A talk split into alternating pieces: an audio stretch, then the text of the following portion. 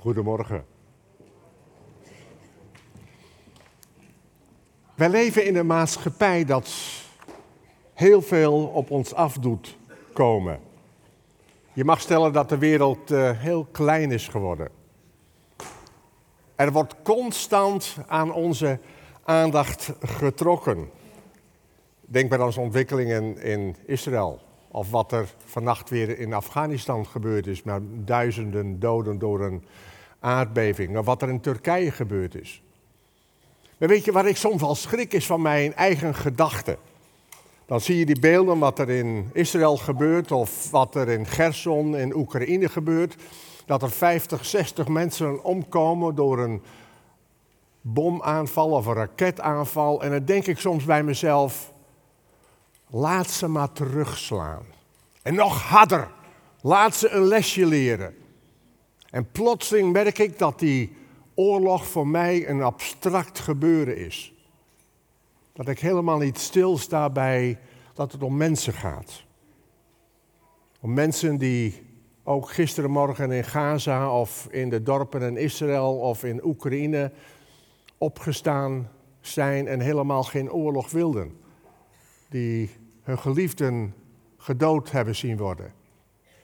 Voor hun is de oorlog niet abstract. Het betekent vaak leed, verdriet, ellende, het verlies van geliefden. Maar onze aandacht wordt constant getrokken, met name door die erge dingen. Het komt onmiddellijk op ons netvlies te staan.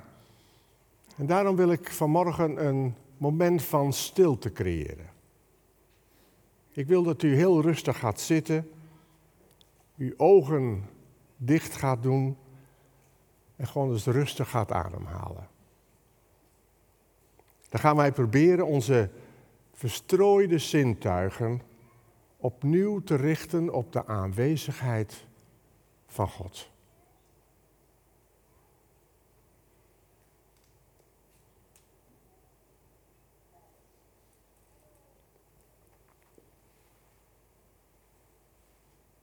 Vader, dank u wel voor uw aanwezigheid. Dank u wel dat wij als gemeente de vrijheid hebben om samen te komen. Dank u wel voor elkaar, dat we samen kerk mogen zijn. Dank u wel dat u ons wilt bemoedigen vanmorgen. Dank u wel dat u tot ons spreken wilt vanmorgen.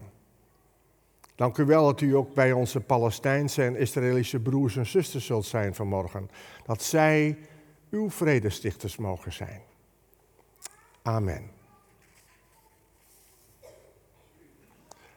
Toen hoofdzending Corrie van der Kooi mij vroeg om vanmorgen te spreken, toen gaf ze gelijk er een thema bij, vluchtelingen. En toen dacht ik bij mezelf, oei, dat is nou niet zo'n gemakkelijk thema. Want het wordt al zo snel gepolitiseerd. Als ik u een mening zou vragen, dan kan ik meningen of verwachten van, ah jongen, wie schaffen dat? Wij gaan het helemaal maken. Of, nee jongen, vol is vol. Het moet eens een keer ophouden. Weet je, en het is een moeilijk thema. En, en ik ga u vanmorgen geen norm opleggen. Ik ga niet tussen u en God instaan. Waar, daarvoor is het hele vluchtelingenproblematiek te complex. Maar het is wel een cultuuroverschrijdend thema. Want het gaat over mensen van buitenaf. Weet u, ik, uh, ik heb heel veel gereisd, dat zei Gerp Regaal. En ik heb gebakken mieren gegeten, zeepaadjes gegeten, apenhersenen gegeten. En weet je, het smaakt allemaal best. En, en, en, en ik heb ontdekt namelijk dat het tussen je oren zit. Want op een gegeven moment kreeg ik hond voorgeschoteld. En toen moest ik aan dat arme kleine hondje, dat, dat hondje van mijn moeder denken, Trixie. En ik dacht, oh, arme Trixie, snap je hem? Het zit allemaal tussen je oren. Maar cultuur, en dat zeiden ze vanmorgen ook als je naar Ghana gaat of naar Latijns-Amerika, het is zo leuk. Dus ik kan je echt aanraden om, om daaraan mee te doen. Het is zo blikverruimend. Maar weet je wat ook een cultuuroverschrijdend iets is? Het is de Bijbel. Vadersboek wat centraal staat in de battle. 66 boeken bevat de Bijbel. Maar die zijn geschreven op drie verschillende continenten. In Azië, in Afrika en in Europa.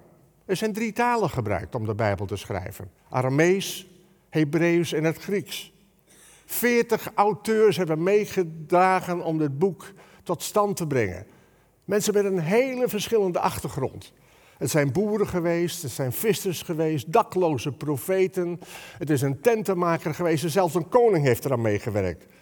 Maar het basigste boekje is het boekje van Jacobus. Er staan de meeste instructies in, de meeste richtlijnen in.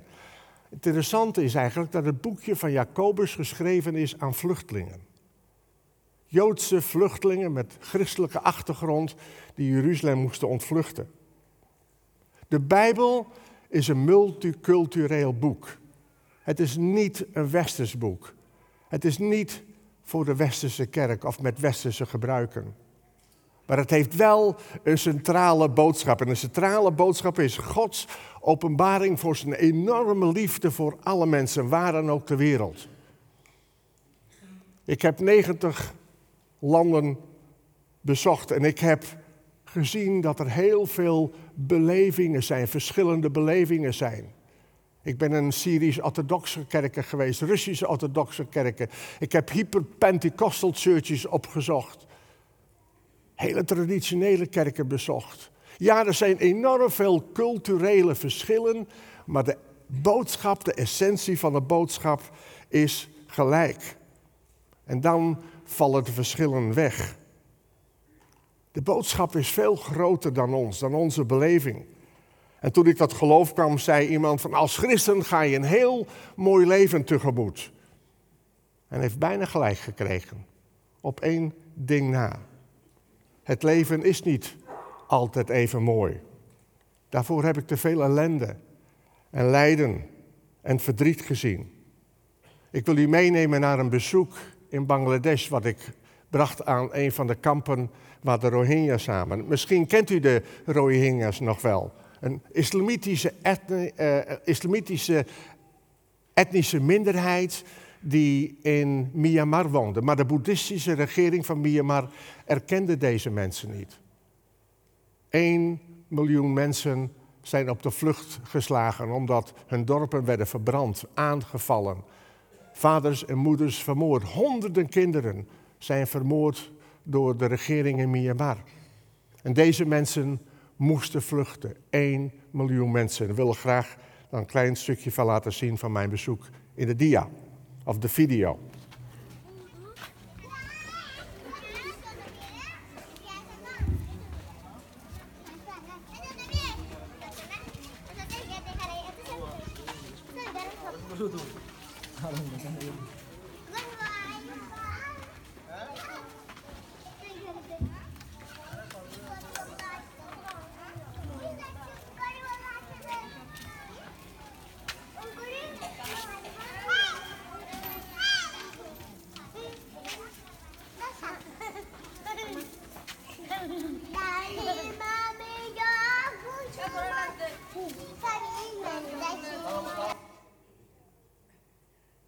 Vaders, moeders, kinderen die moesten vluchten.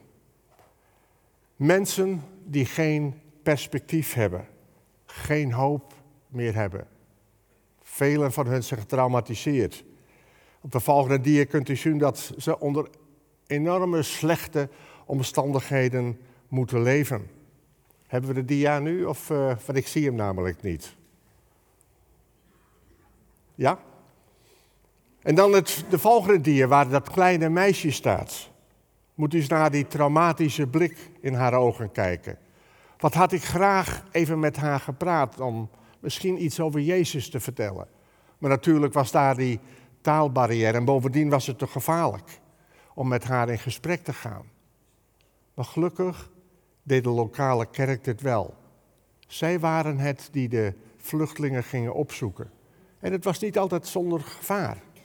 Maar, maar doordat ze de kerk of de, de vluchtelingen gingen opzoeken, ontstond er een kleine kerk. Moslims die tot geloof in Jezus Christus waren gekomen. En deze kleine kerk gingen wij opzoeken om te bemoedigen. En de volgende dia kunt u zien dat de mensen werden gedoopt. En dit is waarschijnlijk een hele moeilijke die in een baptistenkerk, want ik hoor sommigen van u denken, ja, maar dat moet toch door onderdompeling zijn. Dat is theologisch toch niet verantwoord wat hier gebeurt. Ach, weet u, dit was geen kinderdoop. Het was te gevaarlijk voor hen om gedoopt te worden door onderdompeling. En daarom werd het op deze manier gedaan. Het hart is belangrijker dan de daad in sommige gevallen. Maar deze kerk kwam in een heel klein hutje in het geheim bij elkaar. En toch werden ze op een gegeven moment ontdekt. En toen werd hun kerk verwoest. En na een poosje hadden ze de kerk weer opgebouwd, het hutje weer opgebouwd. Toen zeiden ze, nu we toch bekend zijn, weet je, hoeven we ons ook niet meer te verbergen. We gaan nu een kruis op onze hut zetten, zodat mensen weten dat er een kerk in dit kamp is. In plaats van terug te trekken, gingen ze zich bekendmaken. Een kamp wat bestaat uit vaders en moeders die niet wilden vluchten. En wat kun je dan voor hen doen? Wat kun je dan voor hen betekenen? Het enige wat je dan kunt doen is naast hen staan. Zoals je op de volgende dia kunt zien, een oudere mevrouw die mij vastgreep en mij niet wilde loslaten. En, en de reden was, wij waren helemaal uit Nederland gekomen om hun op te zoeken. Wat voor hun een teken was, we staan niet alleen. Jullie zijn op de hoogte voor ons. Het betekent dat er mensen in Nederland voor ons bidden. En ik denk dat dat ook wat Jezus gedaan zou hebben.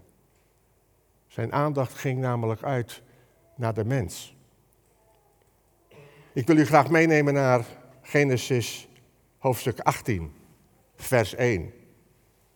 Waar staat de Heer verscheen opnieuw aan Abraham bij de eiken van Mamre. En Mamre is het tegenwoordige Hebron. Op het heetst van de dag zat Abraham in de ingang van zijn tent. En toen hij opkeek, zag hij even verderop plotseling drie mannen staan. Onmiddellijk snelde hij de tent uit naar hen toe en hij boog diep. En zei: Heer, wees toch zo goed uw dienaar niet voorbij te gaan. Ik zal wat water voor u halen, zodat u uw voeten kunt wassen. Maak het hier onder de boom intussen gemakkelijk. Ik zal u ook iets te eten brengen. En iets is dan een understatement in dit geheel. Zodat u weer op krachten kunt komen voordat u verder gaat. Daarvoor bent u immers bij uw dienaar langsgekomen. En zij antwoorden: We nemen uw uitnodiging graag aan. Abraham haastte zich naar de tent, naar Sarah, en vlug zei hij: Drie schepel fijnmeel, maak deeg en bak brood. Daarna snelde hij naar de kudde, zocht een mooi kalf uit, dat er mals uitzag, en gaf dat aan zijn knecht, die het onmiddellijk klaarmaakte. Hij helde boter, melk, nam het gebraden kalf en zette alles aan zijn gasten voor.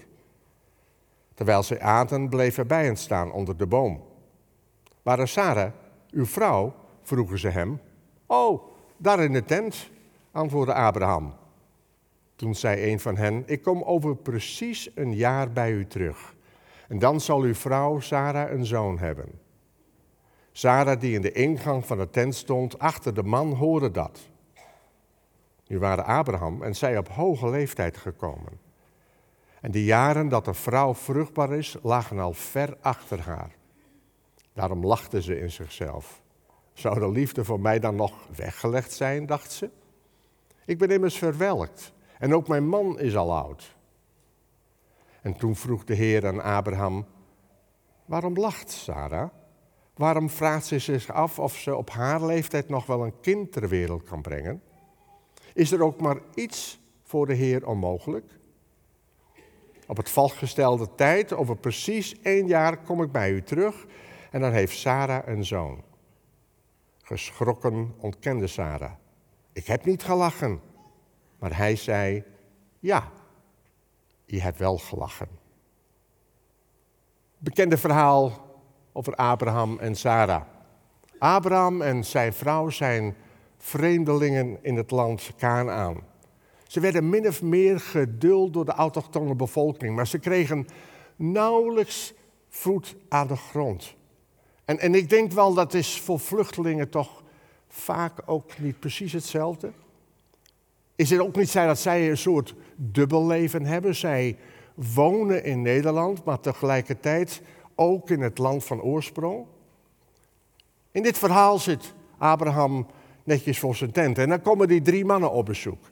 En, en wij weten als lezers dat het hier om God gaat. Maar Abraham zag alleen maar drie mannen. Dat noemen wij in vakterm de Reader's Elevated Position. Als lezer heb je een verhoogde positie. Je weet als het ware meer als lezers dan om de persoon die het gaat. Het was ook niet Abraham die aan het bidden was, of God aan het zoeken was. Het was God die Abraham opzocht. God nam het initiatief.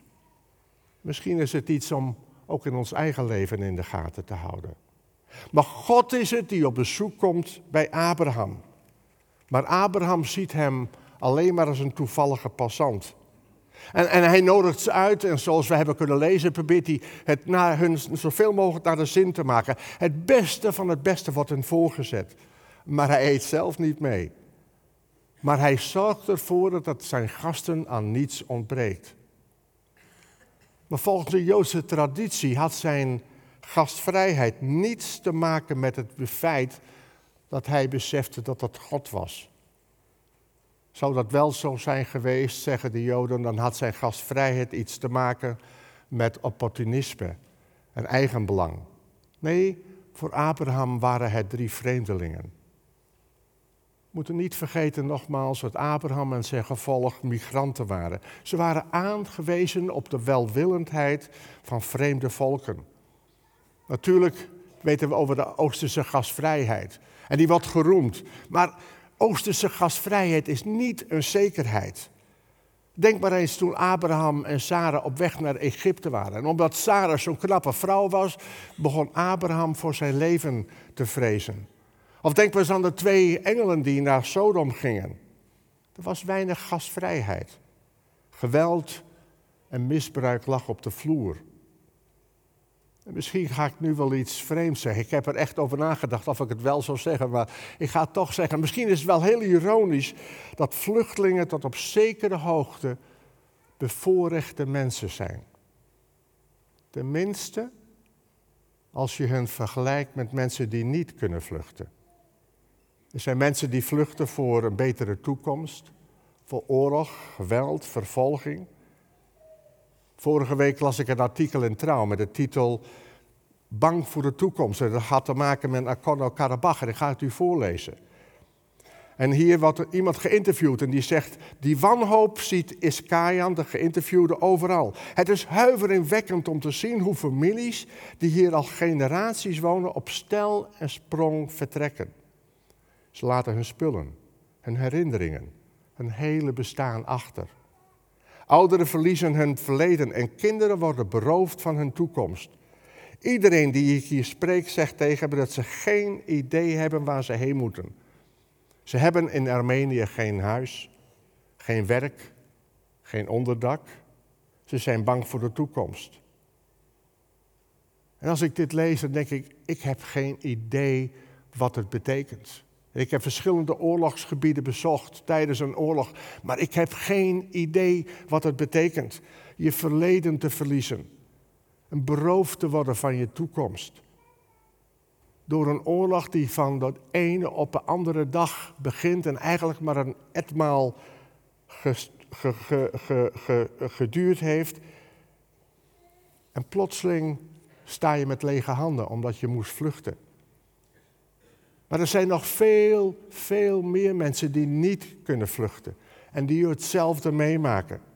Ze hebben gewoon de mogelijkheden of de middelen niet om te vluchten. En het doet mij denken aan dat verschrikkelijke verhaal. En dat onderstreep ik, is het verschrikkelijke verhaal van een vader en dochter uit Syrië. En dat gebeurde tijdens het geweld van de ISIS. Ook zij konden niet vluchten. Op een gegeven moment werd het huis van de vader omsingeld door ISIS-strijders. En ze zeiden, we willen jouw 14-jarige dochter. Ze breng haar naar buiten, maar dan zullen we jou laten leven. En de vader zei, geef me even een momentje. En plotseling hoorden de ISIS-soldaten een pistoolschot. Ze renden naar boven en ze zagen dat de vader zijn eigen dochter had doodgeschoten. En verbijsterd lieten ze hem achter. Later vroegen de mensen aan hem, waarom heb je dat in vredesnaam gedaan? En de vader zei, ik had zo weinig keus. Ik wist wat ze met mijn dochter zouden gaan doen. Ik wist dat ze haar voor mijn ogen zouden verkrachten en verkrachten totdat ze dood zou gaan. En ik wilde haar dit besparen. Ik wilde haar een pijnvrije dood geven. Ik ben er boven gerend en ik heb tegen haar gezegd: Mijn lieve dochter, ik ga je naar de hemel sturen. Deze mannen wil je verkrachten, maar dat laat ik niet gebeuren. Maar onthoud één ding. Ik zal je spoedig gaan volgen. We hebben snel samen gebeden en ik heb de trekker overgehaald. En ik dacht dat de ISIS-strijders mij ook zouden doden, maar dat hebben ze niet gedaan en dat snap ik niet. Maar hoe kun je hiermee leven? vroegen, vroegen ze hem. En hij antwoordde van sommige dagen lukt mij dit ook niet. En, en ik begrijp ook niet waarom ze mij hebben laten leven. Maar ik weet wel waar zij is en dat ik spoedig bij haar zal zijn. Want dat is onze toekomst. Laten we deze vader niet te snel veroordelen, want wij weten niet wat dit lijden betekent. We weten niet wat het betekent om overgeleverd te zijn, onbeschermd te zijn aan de wetteloze grillen en geweld van anderen. Zoals in Pakistan, waar tienermeisjes elke week worden verkracht, ontvoerd en verplicht te trouwen met een moslimman. Soms niet ouder dan 13 jaar. En, snijdt het als, als ouder van een 13-jarige, van een tienermeisje niet door je ziel? Weet u, er bestaat in sommige landen geen rechtsbescherming voor christenen. Als ouder sta je volledig machteloos. Is het dan niet vreemd dat je wilt vluchten om je dochter te beschermen? Een dagelijkse realiteit voor heel veel gezinnen in deze wereld. Voor de vader was de hemel het vooruitzicht. Hij keek als het ware over de dood heen. En, en tijdens mijn reizen heb ik gezien hoe christenen een enorm moeilijk leven hebben soms. De meesten hebben geen mogelijkheid om te vluchten. Ze moeten dit ondergaan. Ze kunnen niet vluchten, of soms willen ze het niet. En ze leven in enorm moeilijke omstandigheden. Het maakt hun leven zwaar. En het enige wat ze kunnen doen is dan het vluchten naar Jezus. En Hij geeft hem kracht om het lijden te kunnen dragen. Anderen vluchten wel. En soms doen ze dit uit wanhoop. Onder hen zijn ook onze broers en zussen. Weet u, ik krijg niet zo heel gauw tranen meer in mijn ogen. Maar tijdens onze doopdienst vorige week in de kerk kreeg ik dat wel. Toen twee Iraanse zussen zich lieten dopen. En weet je wat ik zo mooi vond? Een van hen had heel pontificaal een kruisje op haar tenue. En dan zegt hij, ja, dat doe ik ook. Ik heb ook het kruisje op mijn dinges. Maar bij vond ik het als het ware een statement van... Jezus is mijn redder.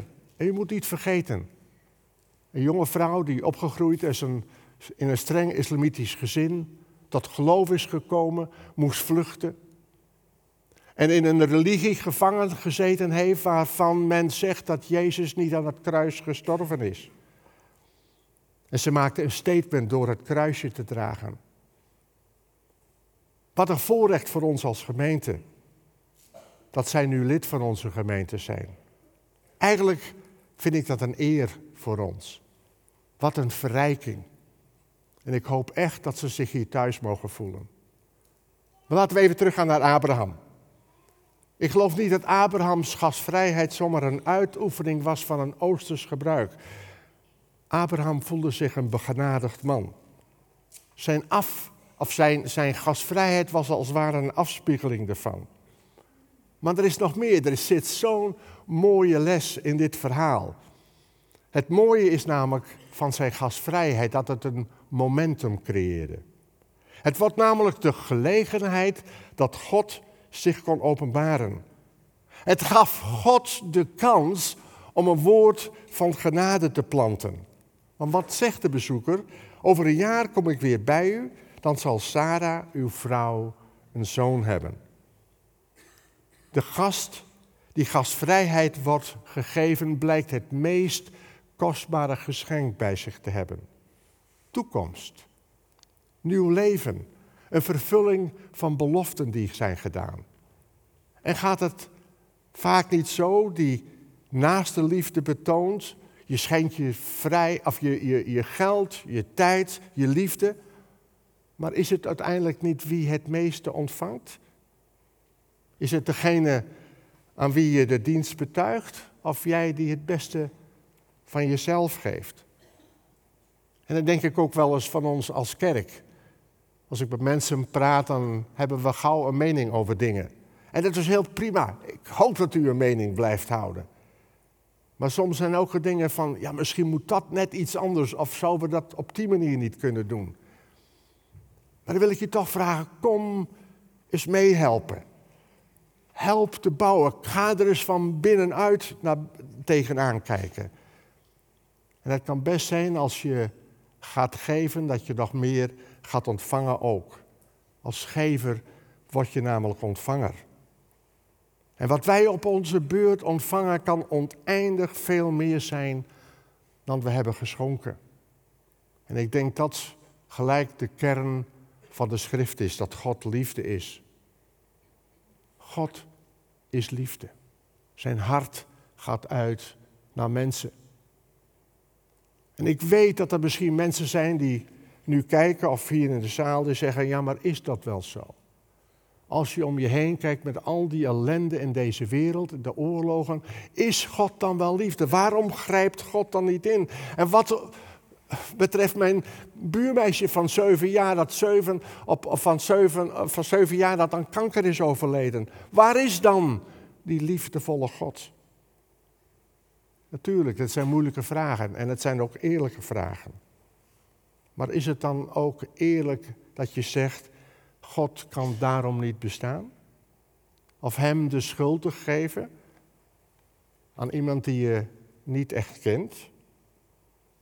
Dan wist je dat onze God de enige God is die weet wat lijden is betekent, wat verdriet hebben betekent, dat Hij de enige God is die weet wat vertwijfeling is betekent.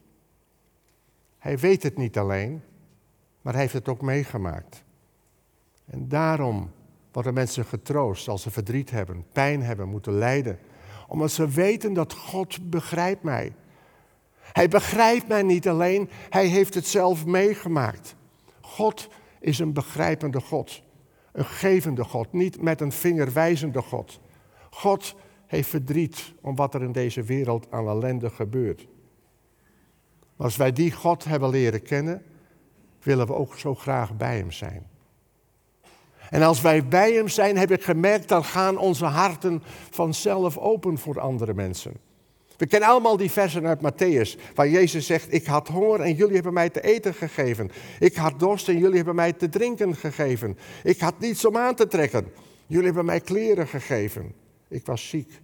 Jullie hebben mij opgezocht. Ik zat in de gevangenis, jullie zijn bij mij geweest. Ik was een vreemdeling.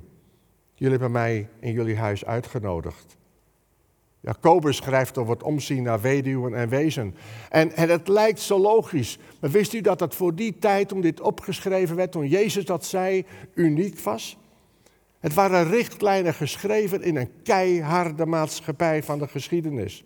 Het was een tijd wanneer een Romeinse soldaat op veldtocht was en hij wist dat zijn vrouw zwanger was. En dan had hij aan zijn vrouw geschreven, als het een meisje was, dood haar dan maar. Een mensenleven met een pennenstreek weggewerkt. Het was een keiharde maatschappij. Er waren geen sociale voorzieningen. Een tijd waar gladioren moesten vechten voor hun leven. Maar wat nog erger was, dat de tribunes vol met mensen zaten die genoten van die moordpartijen. Een mensenleven had geen waarde. Het was een genadeloze, hardvochtige maatschappij. Niemand keek naar de jong. Het recht van de sterkste gold. En juist in die tijd komt God met die uitspraak. En toen ik honger had, Toen ik gevangen zat, toen ik vreemdeling was, toen keek hij mij om. Het was revolutionair, ongekend. God ging met deze hartekreet door de ondergrens en de bovengrens van de maatschappij. Ja, ik weet dat onze maatschappij anders is. Dat de overheid veel taken heeft overgenomen. Maar dat betekent niet dat wij achterover kunnen gaan leunen. Gods hartekreet om te zien naar geldt nog steeds en is aan ons gericht. God maakt het persoonlijk. Omzien naar elkaar. Weduw en wezen naar vreemdelingen. Waarom? Omdat het om mensen gaat. Ik wil afsluiten met een gedachte van een Joodse geleerde die de paradoxale waarheid van Abraham kende. En ik vind hem zo krachtig dat ik hem graag wil dat u hem mee gaat lezen op de volgende dia. En deze meneer ontdekte het volgende. Leven in geloof betekent een spoor van God zien in het gelaat van de vreemdeling. Eigenlijk was deze zin voldoende om de hele preek te dekken. Leven in geloof betekent een spoor van God zien in het leven van een vreemdeling. Het is gemakkelijk de goddelijke aanwezigheid te ontvangen wanneer God verschijnt als God. Het is moeilijk om een dergelijke aanwezigheid op te merken als hij komt in de vermomming van drie anonieme voorbijgangers. Toen Abraham de keuze kreeg tussen luisteren naar God en bieden van gastvrijheid aan wat mensen leken te zijn, koos hij voor het laatste. In zijn tijd aanbaden mensen als afgodendienaars de zon, de sterren en de natuurkrachten als goden. Maar Abraham wist echter dat God niet in, maar boven de natuur is. Er is in het universum maar één ding waar God zijn beeld in heeft geplaatst. Op de mens. Ieder mens. Laat dit ons hart zacht maken als wij naar de vreemdeling kijken. Omdat Abraham wist dat er is op deze wereld maar één ding. Waar God zijn beeld in heeft geplaatst. Op de mens. Ieder mens. Laten we bidden. Vader, help ons om deze dag ten volle te leven. Trouw te zijn aan U. Op elke manier. Heer Jezus, help ons om onszelf weg te geven aan anderen. Vriendelijk te zijn voor iedereen die wij gaan ontmoeten. En Heilige Geest, help ons om van de verloren te houden en om de Heer Jezus te verkondigen in alles wat wij doen en zeggen. Amen.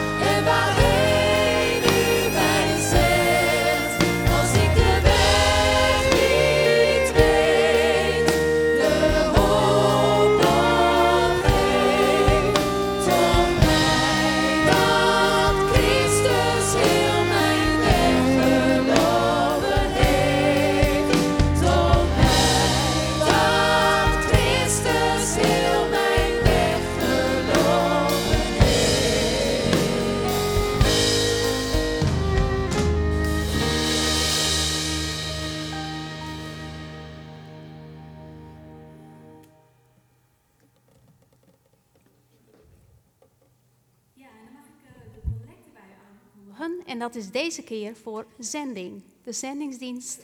En uh, op het scherm kun, kunt u zien hoe u kunt geven.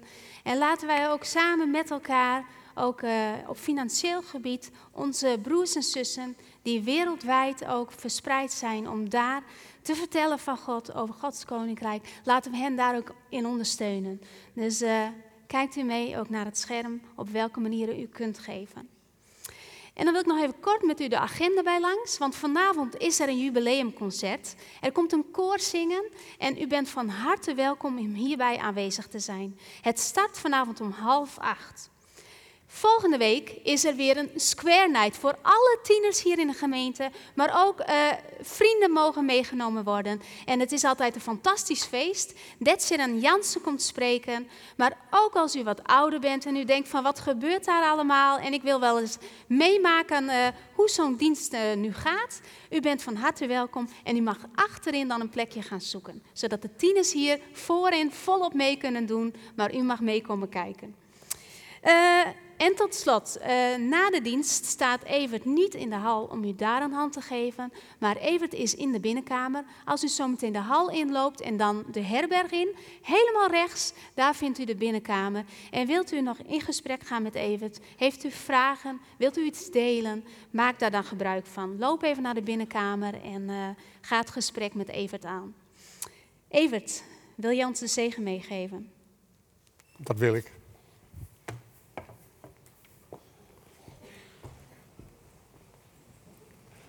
Dank u wel voor het gaan staan. En ik wil u zegen meegeven van Sint Patrick, die in de vijfde eeuw geleefd heeft en honderden kerken heeft gesticht. De Heer is voor u, om u de juiste weg te wijzen. De Heer is achter u, om u in de armen te sluiten, om u te beschermen tegen gevaar. De Heer is onder u, om u op te vangen wanneer u dreigt te vallen. De Heer is in u, om u te troosten wanneer u verdriet hebt. De Heer omgeeft u als een beschermende muur wanneer u anderen over u vallen. De Heer is boven u om u te zegenen. Zo zegene u God. Amen.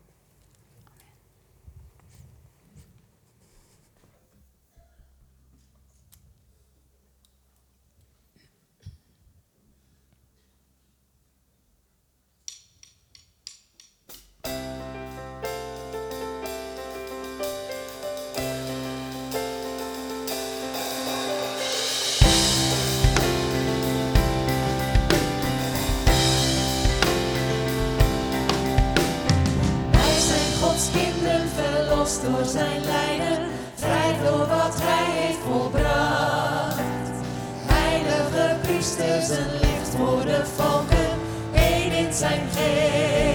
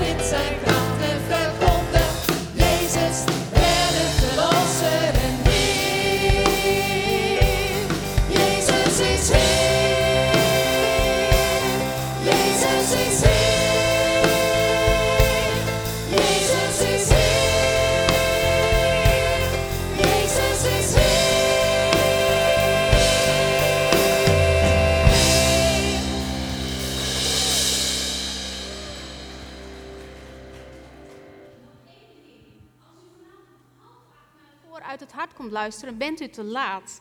Want het begint om 7 uur. Dus niet om half acht, maar vanavond om 7 uur. Yes?